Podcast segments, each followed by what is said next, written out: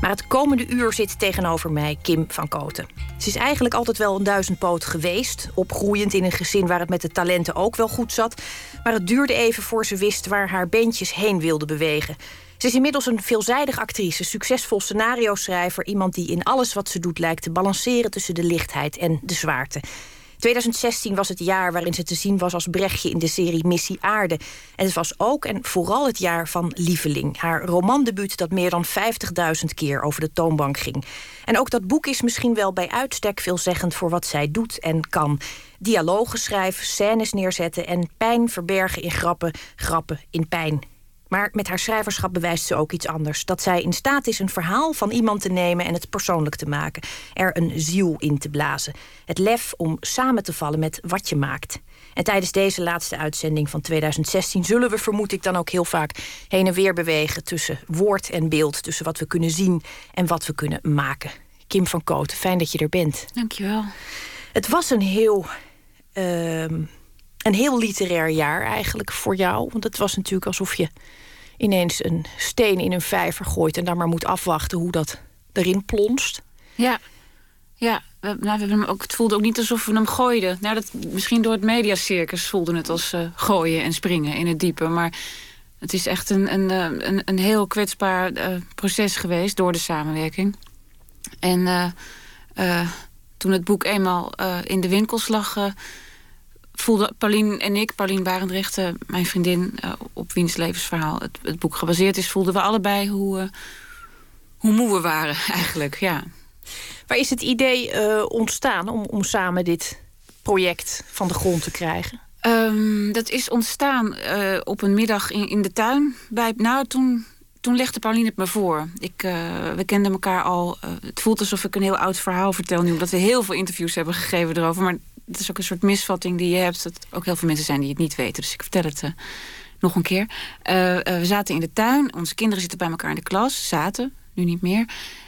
ik kwam mijn zoon ophalen bij haar. En we hadden het over schrijven. En ik vertelde dat ik zo graag na alle scripts, na alle filmscripts... een keer een, een boek zou willen schrijven. Maar dat ik wachtte met beginnen totdat ik een goed onderwerp had. En toen zei zij, ik, ik, uh, ja, ik kan niet schrijven, maar ik heb wel een onderwerp voor je. En we kenden elkaar toen al drie jaar. En uh, ik, uh, ik voelde een soort aarzeling bij haar die ik niet van haar kende toen ze dat zei. En ook meteen dat het iets serieus was. dus het viel even stil en toen zei ik ja. toen zei ze, maar dan moeten we een aparte afspraak maken. Gaan we niet nu met kinderen in de buurt die om rijstwafels uh, roepen. Dat gaan we nu niet bespreken. En die afspraak hebben we gemaakt. En toen heeft ze me haar uh, verhaal verteld. Het verhaal van haar jeugd, waarin ze misbruikt werd van de uh, vijfde tot haar veertiende. En dat, dat was een hele bizarre afspraak, omdat het een verhaal was dat ik nog niet kende. En voor haar ook heel eng om te vertellen.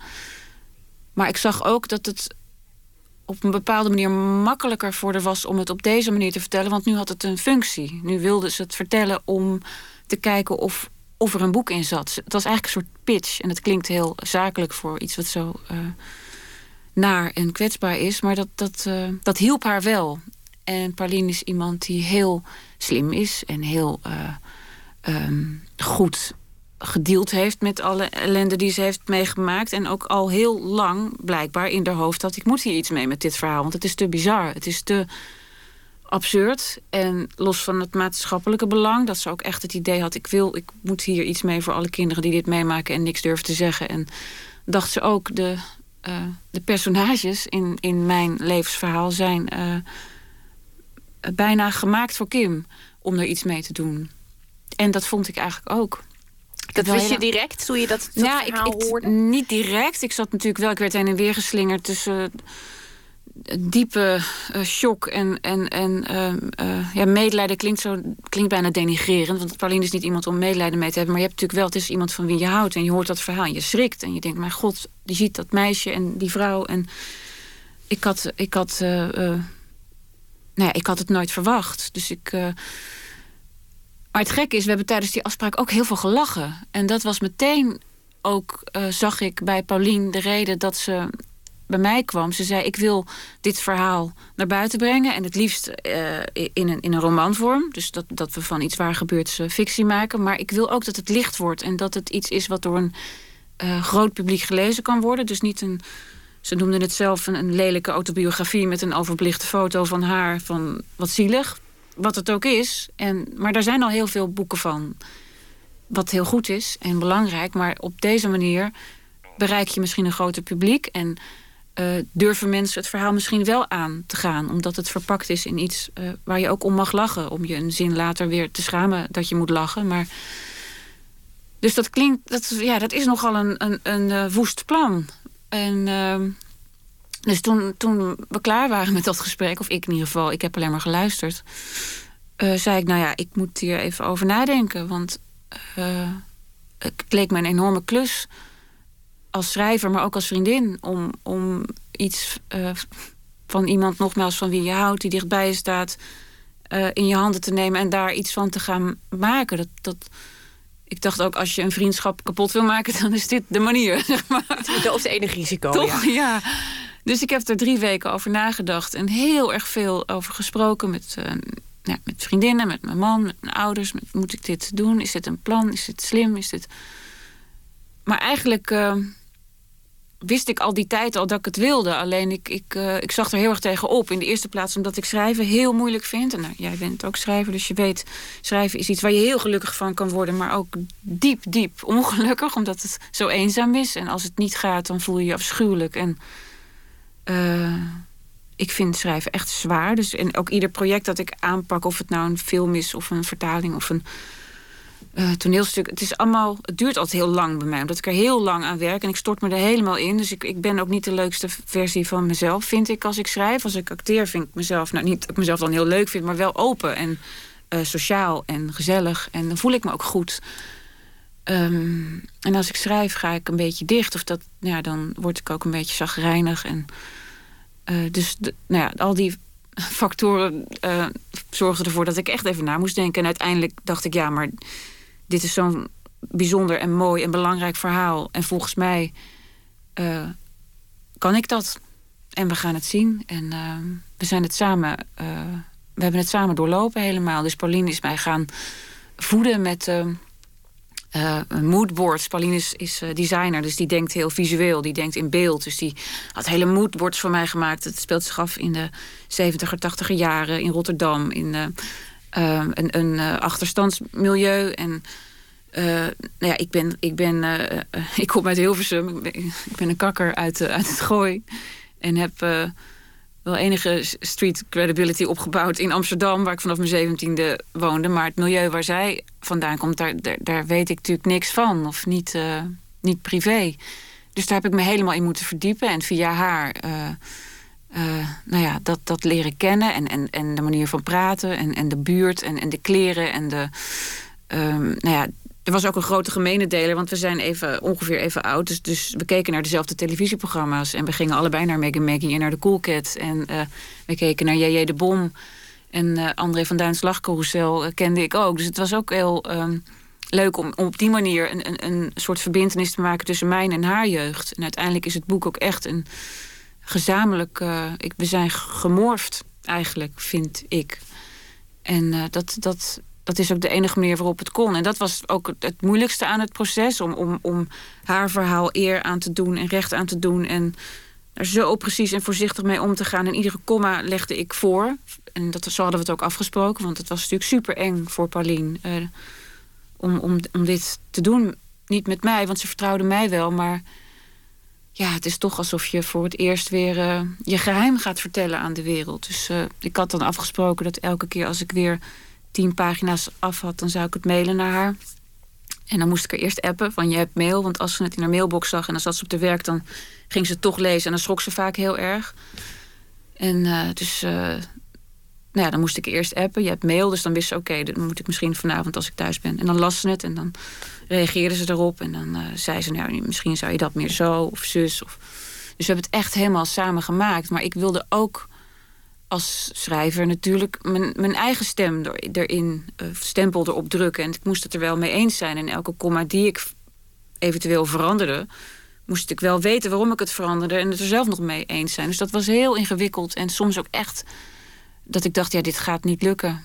Het heeft drie jaar geduurd. En, uh, toen, maar toen was het ook wel echt iets, toen het er lag, waar we allebei heel erg trots op waren en, en uh, tevreden mee waren.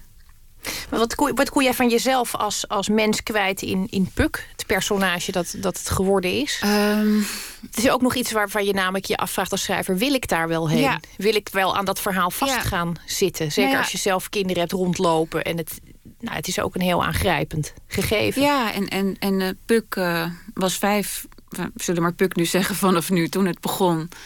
En toen ik begon met schrijven, toen het begon, toen het misbruik begon, bedoel ik dan. En mijn eigen dochter was ook vijf toen ik begon met schrijven. Dus wat dat betreft was het uh, fijn, want ik zat midden in de belevingswereld van een vijfjarige. En kan me ook nog heel goed herinneren hoe ik dacht toen ik die leeftijd had.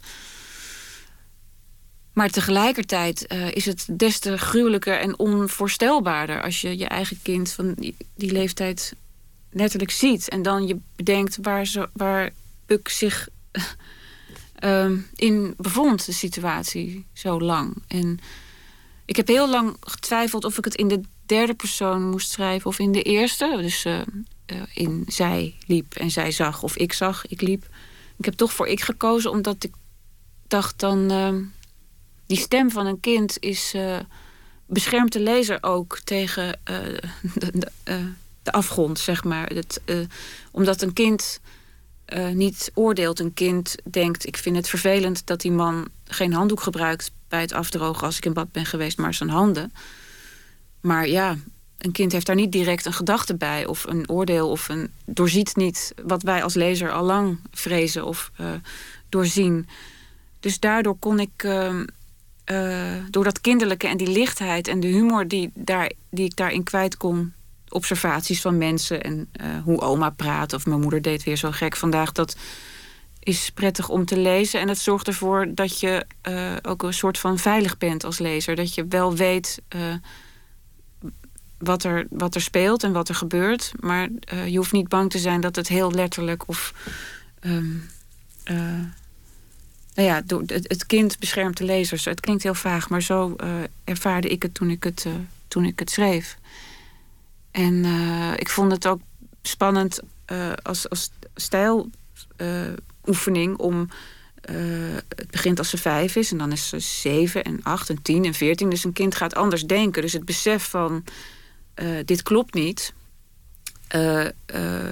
lees je met het kind mee. En dat is natuurlijk als een kind vijf is, dan neemt het alles aan voor wat het is. En vindt dat prettig of niet prettig. En mm, als je tien bent, uh, denk je volgens mij klopt er iets niet. Maar ik durf het eigenlijk niet te vragen. Want, want ik voel ergens ook wel dat het gênant is en ik schaam me. En als je veertien bent, denk je, ik weet zeker dat dit niet klopt. Maar je bent er al te ver in om, uh, om voor jezelf op te komen. Dus dat, uh, het verschuiven van die leeftijden vond ik nou ja, vond ik prettig ook als, als handvat. Om, om het besef langzaam, zoals het ook in het echt gegaan is. Nou ja, je maakt van een ik eigenlijk ook gelijk een hele stoet personages. In die zin heb je jezelf, jezelf als schrijver ook, denk ik, niet gemakkelijk nee, gemaakt. Nee. En wat ik me zat te realiseren, het is altijd eng als je debuteert. Nou heb jij heel veel geschreven, maar dit was de eerste keer deze vorm. Ja. Dan is dat boeker, dan komt er kritiek in deze uh, situatie was jij niet alleen als schrijver zelf kwetsbaar, omdat het je werk is, ja. maar je stond ook nog als een soort bescherming om een vriendin heen, om haar ja. verhaal heen. Ja. Was je daar enigszins op voorbereid, op wat dat zou? Want dat lijkt me heel lastig. Nee, te daar ik, daar, we hebben het daar wel over gehad, natuurlijk. En uh, ik, ik realiseerde me dat wel van tevoren. Ik heb daar heel goed over nagedacht. Maar. Uh, nou ja, en ik dacht ook, dat kan, dat kan ik. Tuurlijk kan ik dat en ik kon het ook. Uh, want het was voor Paulien het, het zwaarst en het moeilijkst en het engst. Maar af en toe vergat ik daardoor wel dat het voor mij ook best wel eng was, omdat het een debuut was. En, uh, maar daar hebben we het heel goed over gehad. En Pauline is een, een leeuwin, uh, als het om mij gaat ook. Dus enorm beschermend. En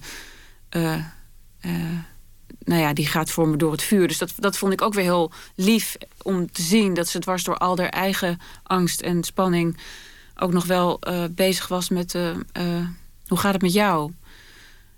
Maar uiteindelijk is het, kunnen elkaar af en toe aankijken nu. Nu het, het stof een beetje neergedaald is. En het was een ongelofelijke achtbaan waar we in terecht kwamen. Ook toen het boek uitkwam. En fantastische kritieken. En ook een paar nare. En, uh, maar ja, er zijn er 80.000 van verkocht. Het is niet normaal. En het is vertaald in het, in het Frans, in het Italiaans. Het is verkocht aan, drie landen al. Dus dat, dat is te gek.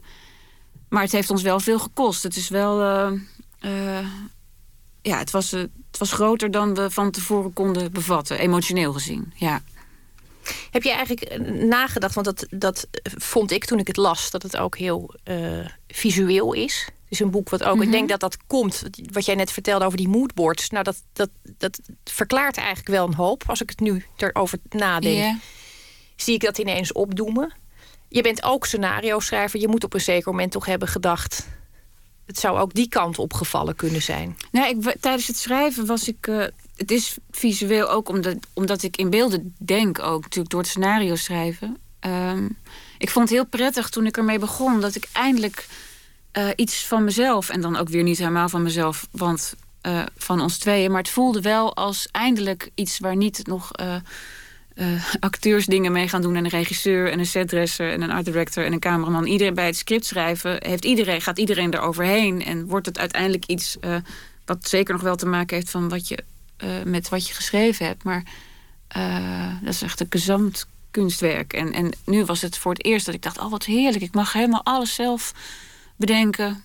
Met alle. restricties die de samenwerking me oplegde. Maar toch, het voelde heel fijn. En uh, halverwege dacht ik... oh, maar ik zou eigenlijk wel gek zijn als ik hier niet ook een film van zou maken. Maar uiteindelijk, weet je, dat, dat idee, daar heb ik, uh, ben ik ook weer van afgestapt. Misschien gebeurt het ooit, maar um, uh, het is ook wel gevaarlijk om zoiets te doen. Want het boek is het boek en, en, en, en ik weet het niet. Ik zie het ook niet voor me in Nederland. Ik weet het niet. Dan zou ik het eerder iets, iets Deens of iets in Scandinavië iets, iets voor me zien. Maar we, zijn, we krijgen natuurlijk wel veel vragen van producenten. En wil je, wil je er iets mee doen? Maar uh, ik durf het nog niet aan. Ik vind het ook voor Paulien. Ik denk, zij zegt altijd: Ik heb die film al gezien. Ik hoef hem niet. Het is, eh, een boek is, iets, is één ding, maar een, een, een actrice van vijf uh, neerzetten voor een camera die dat moet, dat is ook nog wel dat is een ander verhaal. Dus er zitten wel uh, wat haken en ogen aan, denk ik. Ja, dat vermoed ik ook ja. in dit geval. Ja. Had je er veel aan eigenlijk? Dat je, uh, want in scenario schrijven ben jij ook altijd heel erg op zoek naar die balans tussen lichtheid en zwaarte. Is dat iets waar je ook uit kon putten in dit geval? Of, of was de vorm dan toch weer zo anders dat dat lastig was? Nee, dat was heel fijn. Ook omdat het. Uh, nee, het versterkte elkaar. Zoals het in alles wat ik schrijf elkaar voor mij dan versterkt. Het is. Uh, ja, het is ook een hele verboden combinatie met dit onderwerp natuurlijk. Humor en, en uh, seksueel misbruik. Dat is niet iets. Uh, merk het ook bij de verkoop aan het buitenland. Uh, begon pas te lopen toen de uitgever het, het boek helemaal had laten vertalen. Eerst waren er twee hoofdstukken en een pitch en een verhaal. En heel veel mensen dachten: wat, hoe, dat klinkt heel raar. Een, een boek over misbruik licht en grappig. Dat, maar pas toen ze het boek helemaal lazen, een proefvertaling, begrepen ze het. Dus dat geeft al aan hoe. Uh, het klinkt natuurlijk ook uh, bizar. Maar de, de, het, het, idee wat ik er zelf bij had van eerst een, een, een glimlach op het gezicht van de lezer hopen te brengen en een zin later een, een besef neerleggen van wat er eigenlijk gebeurt, dat werkt wel dat je steeds toch schrikt van, van je eigen lach. En dat is iets wat bij mij hoort. En bij heel veel mensen hoort, denk ik. Je hebt ook heel vaak toch dat je op begrafenissen ineens een slappe lach krijgt. Of uh, uh, ja, huilen gaat bij mij ook heel vaak over in lachen. Ik weet niet, het is. En huilen en lachen om films of boeken of überhaupt kunst is voor mij de allerfijnste manier om. Uh, om die emoties te voelen. Omdat het wel raakt aan iets wat je zelf voelt altijd, blijkbaar. Maar je hoeft er niet helemaal in te duiken wat dat dan is. Ik vind, als ik moet huilen om een film en laatst ook om een boek... dat boeken heb ik minder, maar dat is zo fijn. Dat is, het lucht heel erg op en je hoeft er niet helemaal voor in therapie. Het ruimt toch iets van jezelf op. En, maar dat luistert heel nauw. Ik vind het op. Het is wel die balans van, van Want je manipuleert uh, als schrijver en als, en als acteur ook mensen aan het huilen maken of aan het lachen. Dat moet zo zuiver en precies gebeuren. Je hebt het ook, de lezer of de kijker heeft het volgens mij ook meteen door als het vals is of als het uh, echt op effect is. Ik vind het ook altijd lastig als ik een acteur uh, emoties zie spelen die heel erg privé zijn. Dan wordt een beetje eng of zo. Dan denk je, ja, dat hoef ik allemaal niet te weten. Wat, wat jij nu. Weet je, snap je wat ik bedoel? Is, ja. Dus dat is denk ik de opdracht. Dat je een, uh, een persoonlijk gevoel privé maakt. Want je moet natuurlijk van iets persoonlijks uitgaan als schrijver en als acteur. Maar dan moet je het proberen, denk ik, zo te brengen dat het van iedereen kan zijn. En niet alleen van jou. Dus daarom is Puk uh, uit het boek voor mij ook. Uh, heel veel kinderen van vijf. Het is niet alleen maar dat ene meisje dat in die nare situatie zit. Ze heeft ook echt de lol en de blik en het observatievermogen van heel veel kinderen van die leeftijd. Dat manipuleren wat je als schrijver en, en uh, filmmaker en trouwens ook als acteur moet kunnen. Mhm. Dat heeft, heeft volgens mij toch ook wortels in een vorm van uh, distantie. Ja. Je, ben je ooit een deelnemer geweest als kind? Of was je toen eigenlijk ook al meer iemand die op zo'n schoolfeest aan de rand ging staan om te zien wat al die mensen uitspookten? Ik weet er niet meer zoveel van. Dat is gek, hè? Ik weet nog wel. Maar ik, ik heb me nooit. Ik had wel een paar hele goede vriendinnen en een paar goede vrienden ook. Maar ik denk dat heel veel kinderen. Ik weet niet of heel veel kinderen dat hebben of dat toch dat, dat Kees de Jonge gevoel van ik sta er buiten en ik zie het en ik loop in mijn eigen film. Dat hebben heel veel kinderen volgens mij. Maar ik ben wel dat observerende en het onthouden van wat iemand zegt of hoe die kijkt. Of dat, dat zat er al heel jong in. Ja. Ja. En het, het, het, is wel een heel, denk ik, een heel veel voorkomend verschijnsel om jezelf van bovenaf ja. te beschouwen. Maar goed alleen kunnen zijn, bijvoorbeeld, dat zie ik niet bij heel veel kinderen. Nee, nee dat is waar. Dat, kan ik, dat kon ik en dat kan ik nog steeds. hoe, zag dat er, hoe zag dat er dan uit? Op mijn kamer, dus zat ik te spelen. Met, uh, mijn ouders zeiden altijd dat ze af en toe dan na een paar uur echt even moesten kijken. Omdat ze niet wisten of het nog wel goed ging. Ik kon echt urenlang uh, ja, in een soort fantasiewereld toch met poppen en, en verhaaltjes ook. Veel schrijven, veel dagboeken en later de schoolkrant. En ik zie het bij mijn eigen kinderen ook nu. Mijn, die hebben dat ook. Mijn dochter die, uh, die, die, zegt steeds... ik ga even aan mijn boek werken. Die is dan acht. die heeft een laptop, een oude laptop van mij. En die ziet mij natuurlijk vaak... Of dat, ik zeg waarschijnlijk, ze doet mij gewoon na. Ik ga even werken of ik ga even schrijven. Dus dat zegt zij nu ook. Maar best wel goed ook. Het is, geen rommel. maar uh, nee, dat, zat er, ja, dat is wel iets wat ik, uh, wat ik als kind ook al had. Ja. Nou ja, als jij zegt, je, je, je dochter doet het na, want dat is voor haar gebruikelijk dat ze dat om zich heen ziet. Ja. Mensen die. Dat is voor jou natuurlijk eigenlijk ook zo geweest. Ja. Um, het moet een heel raar moment zijn geweest, denk ik, wanneer je beseft dat je vader tot het collectieve geheugen behoort. Weet, je, weet jij wel op welk moment dat gebeurde? Dat je ineens begreep, god, dat is ook wat. Iedereen schijnt hem ook te kennen. Nee, dat is heel geleidelijk gegaan, denk ik. Omdat het omdat hij al vanaf het moment dat ik geboren uh, werd, waren zij al uh, op televisie. En, uh, en inderdaad ook in, in de hoogtijdagen dat Nederland nog maar twee of drie, dat weet ik niet eens, twee of drie netten had. Drie, denk ik. Drie. Ja. Ja.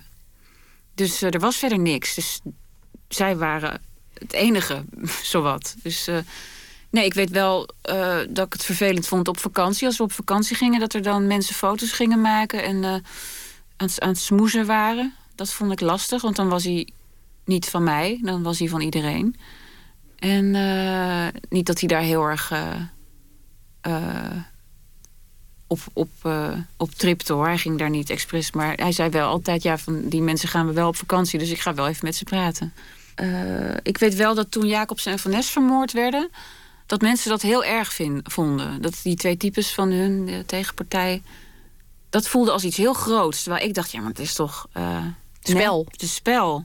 Maar ik vond het ook eng. Ik weet nog dat ik. Dat, dat ik kan me er niet heel veel meer van herinneren. Maar wel dat er ook gefilmd werd dat, die, dat ze in lijkwagens opgehaald werden. Dat ze op het binnenhof volgens mij neergeschoten. Nou, het was een soort Pim Fortuyn uh, gebeurtenis was dat. En dan gespeeld. Maar er werd wel op gereageerd alsof het echt, gebeurd. Ja, er waren ook echt mensen die posters van de tegenpartij serieus voor hun raam hadden hangen. Ik ken er nog steeds een paar. Ja, er zijn echt een paar wel inmiddels heel erg vergeeld. Ja. Bij mij in de buurt zijn er nog steeds een paar mensen die ze hebben hangen. ja. Ja. ja, nou ja, en dan nu las ik gisteren toevallig in de krant dat Den Haag misschien. Uh, uh, straatnamen gaat vernoemen naar, uh, naar, naar types van, van Kees en Wim. Ja, dat is natuurlijk bizar. Ja, daar zijn ze nog niet uit, hè? Of ze dat uh, eigenlijk wel. Nee, maar we, we hebben wel gisteren hardop zitten lachen en bedenken wat voor wat de vieze man steeg en de, wat het dan zou moeten worden. Ja. Ik ja. denk dat Den Haag er eerlijk gezegd ontzettend van opknapt. um, we gaan na het nieuws verder. Tegenover mij zit nog steeds Kim van Koten en we zitten in de laatste uitzending van 2016. En voor het nieuws hebben we het onder andere gehad over Lieveling. Het boek dat met uh, zo'n vreemd proces eigenlijk tot stand kwam en een enorme reactie teweegbracht. 80.000 exemplaren. We hadden het ook even kort over je vader en hoe dat was om dan uh, rond te lopen met zo'n man die altijd maar herinnerd wordt aan het feit dat hij Kees van Koten is. Waarschijnlijk ook door mensen die zelf nog twijfelen of het Kees die dan even gaat vertellen. Weet u wel wie u bent? Ja. Heel praktisch wel, als je dat zelf geneigd bent te vergeten. Maar verder lijkt me dat toch uh, hinderlijk. Wat het eigenlijk... Uh, je eigenlijk nooit over gehoord is, is, is je moeder. Toch ook een hele grote, Barbara. Ja. Die een hele grote invloed uh, Ja, ongelooflijk uh, is. Heldin is dat. Uh, in, de eerste plaats omdat ze al die jaren uh, de vrouw achter de man uh, is geweest. Maar stiekem toch niet achter, want zelf ook enorm mooie dingen gedaan heeft. Ze, ze is vertaalster. Woody Allen heeft ja, ze onder andere vertaald, ja, hè? Alle stukken van Woody Allen en romans en nog steeds nu kinderboeken. ja, iemand die de aandacht niet zo opzoekt en niet zo nodig heeft ook en heel uh, uh, goed uh, alleen kan zijn ook. ook dat, dat heb ik van haar, denk ik. En iemand met wie je verschrikkelijk kan lachen, minstens zo hard als, als met mijn vader. Alleen dat weten de mensen niet. En, en een hele goede actrice ook, want toch Kok van der Laak. En heel veel gastrolletjes in al die jaren dat Kees en Wim dat, dat programma hadden. Ja. Je vertelde eerder dat je eigenlijk je heel weinig kunt herinneren van je jeugd. Maar ik, ik vind het ook niet zo gek. Het klinkt ontzettend gelukkig. En volgens mij heeft dat nou niet heel veel stekels en weerhaken wat het in je ziet. Ja, of slaat. ik heb iets verdrongen, iets heel naars. Dat kan ook, dat zeggen ze ook wel eens. Als je niks meer nog. weet, dat er dan iets heel naars verborgen ligt. Nee, een super gelukkige jeugd. En uh, um, ja, uh, godzijdank eigenlijk. Nou, het is voor je schrijverschap wel gewoon hinderlijk. Vandaar dat je ja, dan... dat zeggen mensen altijd, maar dat, dat vind ik niet. Ik nee, heb, heb je dat heb niet geen last zo van. gevoeld? Nee. Weet je, heel vaak wordt er toch ge, ge, ge, gezocht naar iets wat in je eigen leven een, een, belangrijke rol speelt, wat het thema moet zijn. Ja, of wat het... maar dat, dat, dat zijpelt er altijd wel doorheen. En als je goed kunt observeren en, en uh, een beetje empathisch bent, dan kom je er ook wel. Toch? Ja, ik heb. Ik, heb heel, ik, heb, ik schrijf al twintig jaar en ik heb uh, redelijk uh, verschillend pad bewandeld. Ook van psychologische drama's tot, uh, tot romantische comedies. Dus ik heb het nooit als, als een last ervaren dat ik met een gelukkige jeugd opgezadeld heb gezeten. Nee. Je bent ook echt begonnen met schrijven, scenario schrijven. Dat was je eerste keuze eigenlijk. Ja, op de filmacademie. Alleen was het toen nog geen. toen ik op de filmacademie begon, was het nog geen aparte richting. Dus dat is ook wel bizar om je te bedenken dat überhaupt scenario schrijven in Nederland nog niet eens zo heel lang een, een vak uh, is. Um, we kregen gastlessen wel, maar je kon er nog niet op afstuderen. En toen ik naar het tweede jaar ging, toen werd het wel een afstudeerrichting. Alleen het was nog een beetje in de ontwikkelingsfase, vond ik dan. En ik werd in het tweede jaar gevraagd door Theo van Gogh om uh, een script, een filmscript te schrijven. Dus toen kreeg ik eigenlijk meteen de kans om het uh, in de praktijk maar te doen. En uh, dus toen ben ik van school afgegaan. Ja. Met angst en beven? Of wist je gewoon, nee. die, die sprong zit goed? Nee, ik ga met, met het vertrouwen van de jeugd. En gewoon een soort naïeve... Ja, dat is ook wel mooi. Dat als je zo jong bent, dat je dan nog helemaal niet denkt: oh mijn god, wat stom misschien. Of uh, nee. Ik Hoe kwamen het... ze bij jou? Want jij zat nog op school. Ja, ik zat in de klas bij Hermine Landsvreugd. Die zat in de scenario-klas ook toen. En zij was de vriendin van Theo. En uh, zij had mij getipt bij hem. En uh, toen hebben we een gesprek gehad. En ik vond Theo meteen heel leuk en ook een beetje eng. maar hij heeft het heel slim aangepakt. Hij hij zei, ja, je moet een film voor mij schrijven. Toen zei ik, ja, maar dat heb ik nog nooit gedaan. En uh, ik weet niet of ik dat kan. Toen zei hij, wel, dat kan jij. met die ene zin, ik weet niet, heeft hij iets aangezet bij mij. Door de manier waarop hij dat zei, ja, dat kan jij. Dacht ik, oh ja, dat is ook zo, dat kan ik wel. En uh, hij heeft me enorm geholpen. En uh, met, met de acteurs, dat waren René Fokker en Pier Massini. In Blind Date heb ik het over, heette die film. Hebben we een verhaal bedacht. En het werd een beetje een Hoe ze Freight of Virginia Woolf-achtig gegeven... over een echtpaar dat elkaar middels zeven contactadvertenties ontmoet... en een soort rollenspel speelt om de dood van hun kind te verwerken. Nou, heel zwaar onderwerp weer, maar ook weer met best wel wat humor gebracht. Heel mooi gespeeld door René Fokker en Pier Massini. En die film won een Gouden Kalf meteen en werd genomineerd. En, en ik geloof drie Gouden Kalveren. Dus dat was, ineens was ik scenario schrijfster. En ja, dat, ik, dat beviel me wel. Zeker omdat ik, ik was, ik had dus ook geen acteeropleiding. Dus ik ben echt totaal autodidact. Ik had het jaar daarvoor de film Zusje gedaan. Dat was mijn acteerdebuut. Ik wilde helemaal geen actrice worden of tenminste, ik was daar niet mee bezig. Ik dacht, ik doe die film, daar ga ik in spelen. Ook uh, een, een, verhaal waarbij ik gewoon letterlijk van de straat geplukt ben door iemand die zei: Wil jij in mijn film spelen? En ik dacht, nou, dat is de stageplek om te zien uh, hoe film gemaakt wordt. En tijdens het spelen merkte ik pas hoe leuk ik acteren vond. Dus ineens binnen twee jaar, ik was twintig, had ik twee beroepen. Was ik actrice en scenario schrijfster, omdat mensen hadden gezegd dat ik dat was. Dus dat is het enige gekke aan die loopbaan uh, geweest is dat, dat het bijna geen keuzes zijn geweest. Dat het bijna was dat mensen dat zeiden, dat ik het goed bleek te kunnen en dat ik het toen ineens was. Het werd ook in twee gevallen een groot succes. Dus ja. je werd ontzettend uh, gewaardeerd. Ja. En gek genoeg, of, of ironisch genoeg ook... omdat je die rol heel onbevangen speelt. Je speelt hem alsof je van de straat bent geplukt. Ja, maar dat was echt. Je hebt ook hele mooie borsten, dat kan ik gewoon zeggen. ik ben geen vies oude man. Dat helpt natuurlijk ook. Maar het, het, het was een enorme uh, uh, golf van belangstelling en definities en meningen die je dan over je heen kreeg. En je stond nog maar net eigenlijk als twintigjarige. Ja. ja, dat was uh, en fantastisch en ik heb er ten volle van genoten. Maar ik ben ook uh, uh, in paniek geraakt ervan. Ook omdat je op die leeftijd, nou ja, nogmaals twintig, ik wist niks. Ik wist echt niet wie ik was. En op dat, als je, wat normaal is op die leeftijd, helemaal niks geks je bent nog niet, je karakter is nog niet af. Dus er zitten nog allemaal gaten in die nog gevuld moeten worden met eh, het leven.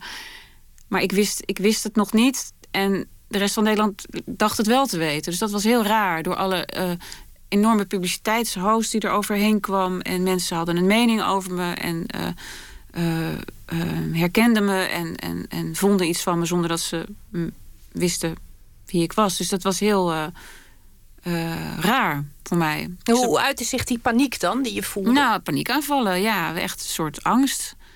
Uh, het, ging, het ging veel te snel. En uh, als, je, als je het eerste wat je doet zo'n succes is... en je hebt zelf nog niet het idee dat dat verdiend is...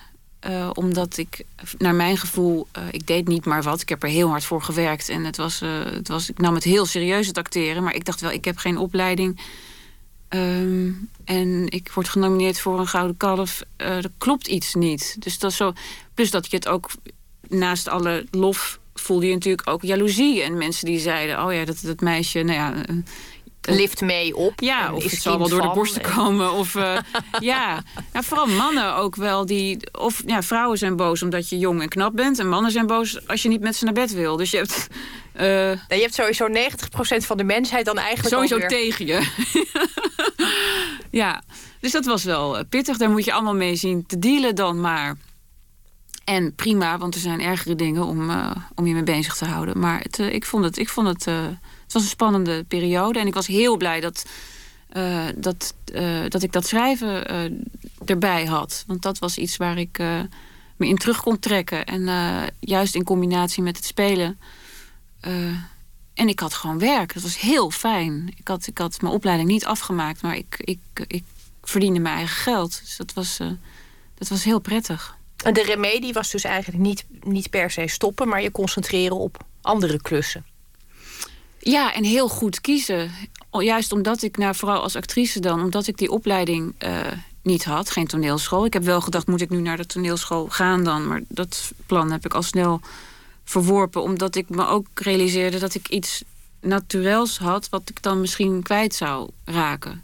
Daar was ik zelf bang voor. Ik dacht, ik kan iets en op een uh, opleiding wordt dat misschien weer afgebroken. En uh, ik, was, ik was angstig dat, dat er dan uh, letterlijk niet zoveel meer van me over zou blijven. Dus ik heb nu, ja, ik heb gezocht naar mensen die mij verder konden helpen. Dus leraren, maar dan in de praktijk. Dus ik heb mijn film- en televisieprojecten altijd uitgekozen op de mensen met wie ik werkte. En dat is, ik heb ongeluk, ja, ik heb zoveel geleerd van. Ik heb ook geluk gehad dat mensen met mij wilden werken, maar de mensen die dat waren, dat zijn wel Dana Negustan, met wie ik mijn eerste televisiefilm maakte. Met Pierre Bokma en Johanna Terstegen. 22 was ik toen. En ik met die twee kanonnen. Dus dat, dat was fantastisch. Daar heb ik zoveel van geleerd. En Theo van Gogh, ook iemand die echt verstand had van spelen. En, en verhalen vertellen. En Robert-Jan Westdijk natuurlijk ook. Het is iemand die me zo uh, vrij heeft laten spelen. In, wat hij me in zusje heeft laten doen. Dat is ook echt door het vertrouwen dat ik in hem had. En het vertrouwen dat hij mij gaf. Hij was ook iemand, net als Theo, die zei: Jij kan het. En op de een of andere manier nam ik dat van hun aan. Dus het was een hele gelukkige periode ook. En, um... Zie je dat achteraf zelf ook, dat je het kon? Ja, Achteraf wel, maar omdat toen, toen niet. Toen voelde ik wel dat ik het heel graag wilde en dat, dat er een, een soort van ruw talent zat, maar nog niet het zelfvertrouwen. Uh, ik had gewoon nog het zelfvertrouwen niet. En, en nu, pas de laatste zes jaar, voel ik dat ik uh, uh, als actrice dan de techniek en, of een techniek heb, heb geleerd zelf. En, en waar iets waar ik op terug kan vallen. Dus daar voel ik me zeker over. En met schrijven, mijn vader, ja, met schrijven is toch anders. Want uh, dat moet meer uit jezelf komen en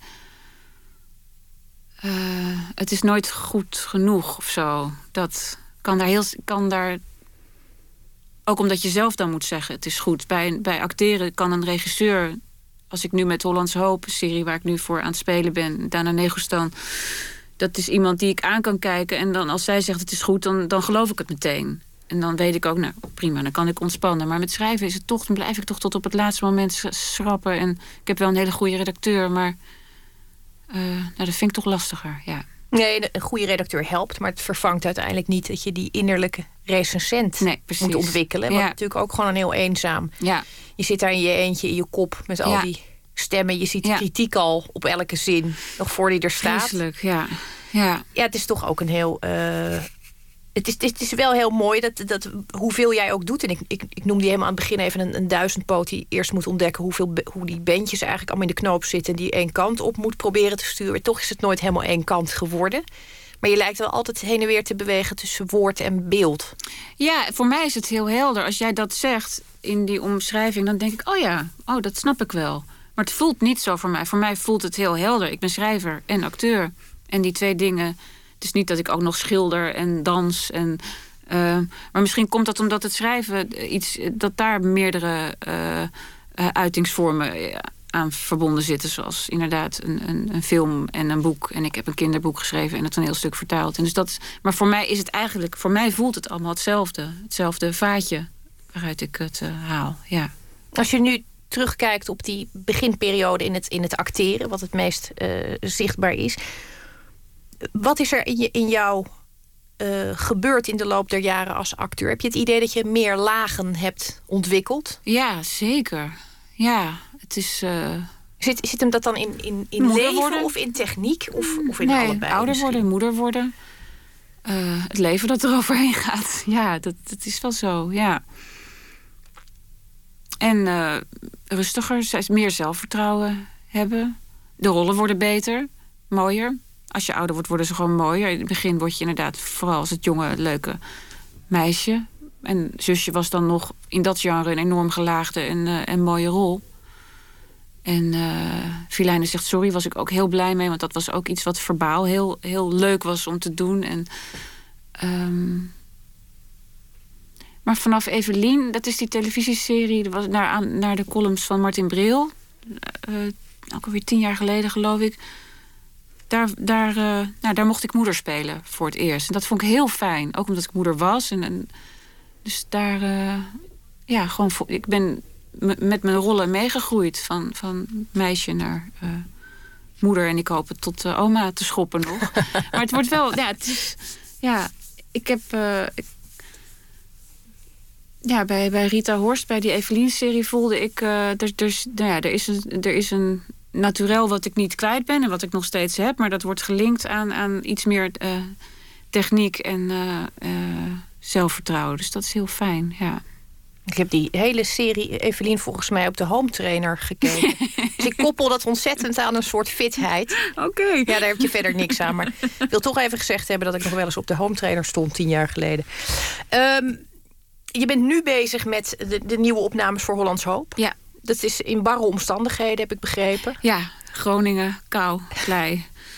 Uh, ja, dat is uh, uh, koud en, en, en lange dagen. En ehm, de boerderij waar we draaien is ook echt een locatie. Dus het is geen studio. Dus het is een boerderij zonder verwarming. En nou, thermisch ondergoed de hele dag. Maar ik, heb het, ik ben ongelooflijk gelukkig daarmee. Dat zijn wel de dingen, net zoals um, nou, Missie Aarde, die, die, die science fiction serie en Hollands Hoop. Dat zijn wel de twee dingen. Ze liggen totaal uit elkaar. Want Missie Aarde is een soort The Office, maar dan in de ruimte. Dus een fake documentaire over uh, astronauten die een nieuwe planeet zoeken. Dat is alleen maar lol. Ik heb nog nooit zo hard gelachen als tijdens de opnames van die serie. En Hollands Hoop is... Uh, een black comedy. Dus weer ook comedie, maar met, met, uh, met hele mooie personages en spannende verhaallijnen. En ongelooflijk goed geschreven door uh, Frankie Ribbens, de man van de regisseuse van Dana. En uh, daar, we hadden vorige week opnames en toen. mijn personage maakte een hele rare draai.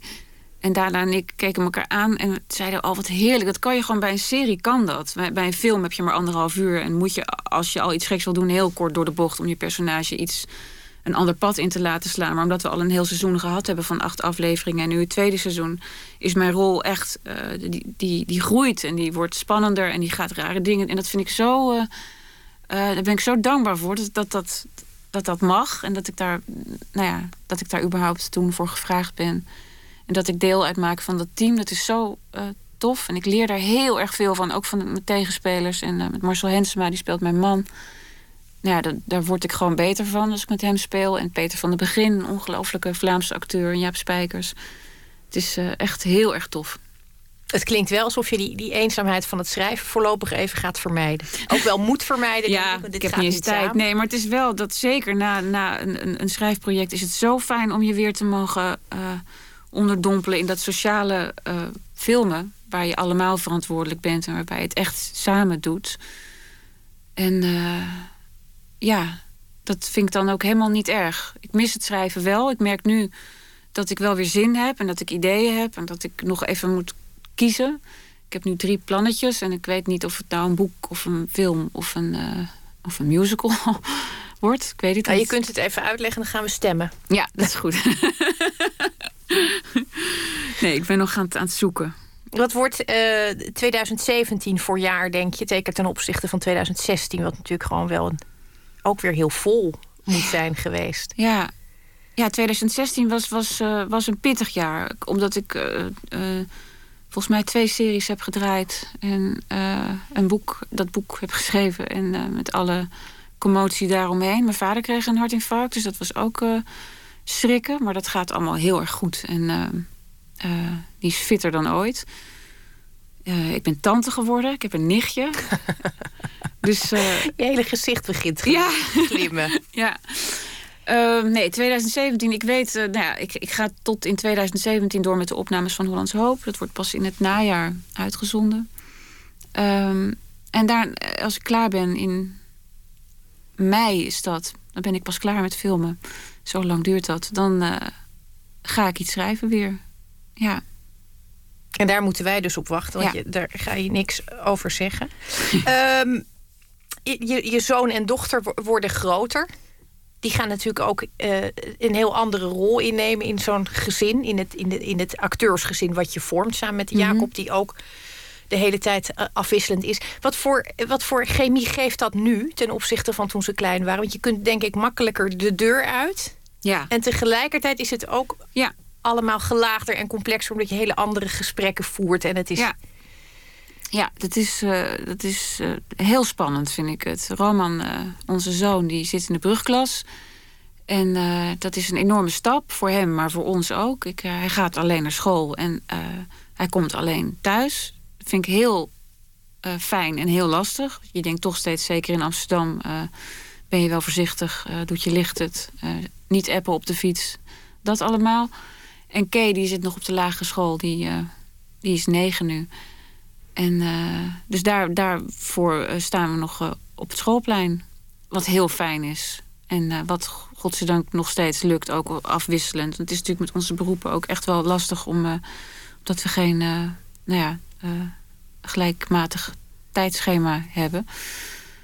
En bij Roman zie ik een soort talent ook voor grappen maken. En, en hij is verbaal ook heel sterk. En we hebben laatst een tekenfilm samen ingesproken. Ik spreek af en toe tekenfilms in en hij blijkt dat dus heel erg goed te kunnen. Dus we hebben heel erg leuk een film, Cubo heet hij. Hebben moeder en zoon de stemmen ingesproken. Nou, dat is ik kon echt wel huilen van geluk. Ik vond het zo leuk. Ja, en dat ik, ja, ik vond het ook echt bijzonder om hem dat te zien doen. En hij, hij kan in zijn stem echt iets heel natuurlijks. Uh, angst en grapjes. En hij, hij deed het allemaal. En ik... ik uh...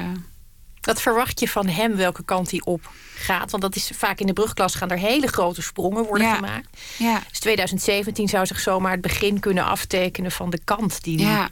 Ik heb geen idee. Ik heb geen idee. Het is ook wel volgens mij op deze leeftijd dat de vriendschappen het allerbelangrijkste worden voor ze. Volgens mij wij steeds minder wat wij vinden en wat zijn vrienden vinden. Dat, uh, daar gaat het om. Dat merk ik al een beetje, maar dat vind ik ook heel leuk en, en ontroerend om te zien. Hij wil heel graag kinderen, zegt hij nu al. hij wil vier kinderen. En uh, Vroeger wou hij dan, het heeft hij al vanaf dat hij heel jong was. Vroeger zei hij dan: dan kom ik bij jullie in huis wonen met mijn vrouw en mijn kinderen. en nu uh, is het niet meer in huis, maar wel in de buurt. Dus dat, ja. Ja, en bij Kay, ik weet het niet, die zegt... Uh, oh ja, nou, Kay schiet heen en weer in wat ze wil worden restaurantrecensent. dat ik een fantastisch boek. Ja, toch? Ik ook. Ja. Daar mag je bij eten. Allerleukste. Je schrijft erbij. Het is eigenlijk de twee leukste dingen. ja, het heeft ze zelf bedacht. Ja, want ze houdt enorm van eten en, uh, en van schrijven. Dus uh, toen had ze op een gegeven moment een film gezien. Volgens mij Ratatouille. Een, een film waarin een, een, personage dat was rest restaurantrecensent. En toen zei ze, is dat een beroep? Ik zei, ja. Toen zei ze, nou, dat wordt dat wordt het. ja. Dus uh, ja, en het schrijven zit er ook wel in bij haar. Ze zit op musicalles en, en ze is ook vrij expressief. En, uh, uh, dus ja, ik, ik weet het niet. Jacob zegt steeds: Ik hoop niet dat ze acteur worden, omdat hij dan natuurlijk bang is dat, dat er geen werk in is en dat het moeilijk wordt. Ik. nou, dat zou bij, bij restaurant, recensent ook wel eens toch wel lastig, lastig kunnen, worden. hè? Ja, ja. ja. ja. Ja, zijn er daar veel van? Nou, ik, dat, dat uh, nee, niet zo heel veel, denk ik. Maar het lijkt me gewoon een crisisgevoelig beroep wel. Ja, ja. Ooit weet zit je weer ja. in een snackbar... omdat het budget van de krant een beetje verkleind is. Nou ja, en vloggers zijn natuurlijk hun helden hè, nu. Dus dat vind ik ook wel weer grappig om te zien... dat ze dan heel erg fan zijn van meisje Jamila en Feurtje... en al die mensen die zichzelf filmen... terwijl ze eigenlijk niks doen zeg ik dan heel voorzichtig. Zeg ik, ja, maar Roman, deze jongen kan eigenlijk niks. En dan voel ik me ook een enorme trut dat ik dat zeg. Maar ik denk dan toch, ja, ik moet hem toch wel laten zien. Bijsturen Ja, een beetje in de verering uh, temperen. Want je moet wel een beetje iets kunnen. Ja, maar hij verdient heel veel geld. Ik denk, ja, dat is wel waar. Ja, dan sta ik weer met mijn mond vol tanden. Dus blijkbaar doet die jongen toch iets goed. Maar uh, ja, dat, dat vind ik wel... Maar goed, dat was in onze tijd ook volgens mij. Toen ik jong was, was er ook Idols en, en Big Brother. En zeiden mijn ouders ook, die mensen kunnen helemaal niks. En die zijn toch heel beroemd. ja, ik vereerde ze geloof ik niet zo. Maar ja, ik weet het niet. Je klinkt al met al gelukkig als je het over Eh, zowel als, als je het over 2016 hebt als over wat er te wachten staat. Ja, maar dat is ook denk ik een soort instelling. Dat ik wil, ik wil, het, ik wil het ook leuk hebben. En eh, er zijn genoeg shitty dingen en dingen die rot zijn en vervelend en naar. En eh, waar ik ook over zou kunnen zeuren en verdrietig om zou kunnen worden. Maar dat is niet, niet zo leuk om naar te luisteren voor de mensen. En het helpt het helpt mij ook niet. Dus, uh... We gaan het nieuwe jaar gewoon met dit geluksgevoel in. Laten we, Laten we dat maar proberen. Kim van Koten, ontzettend bedankt dat je er was. Jij ook bedankt.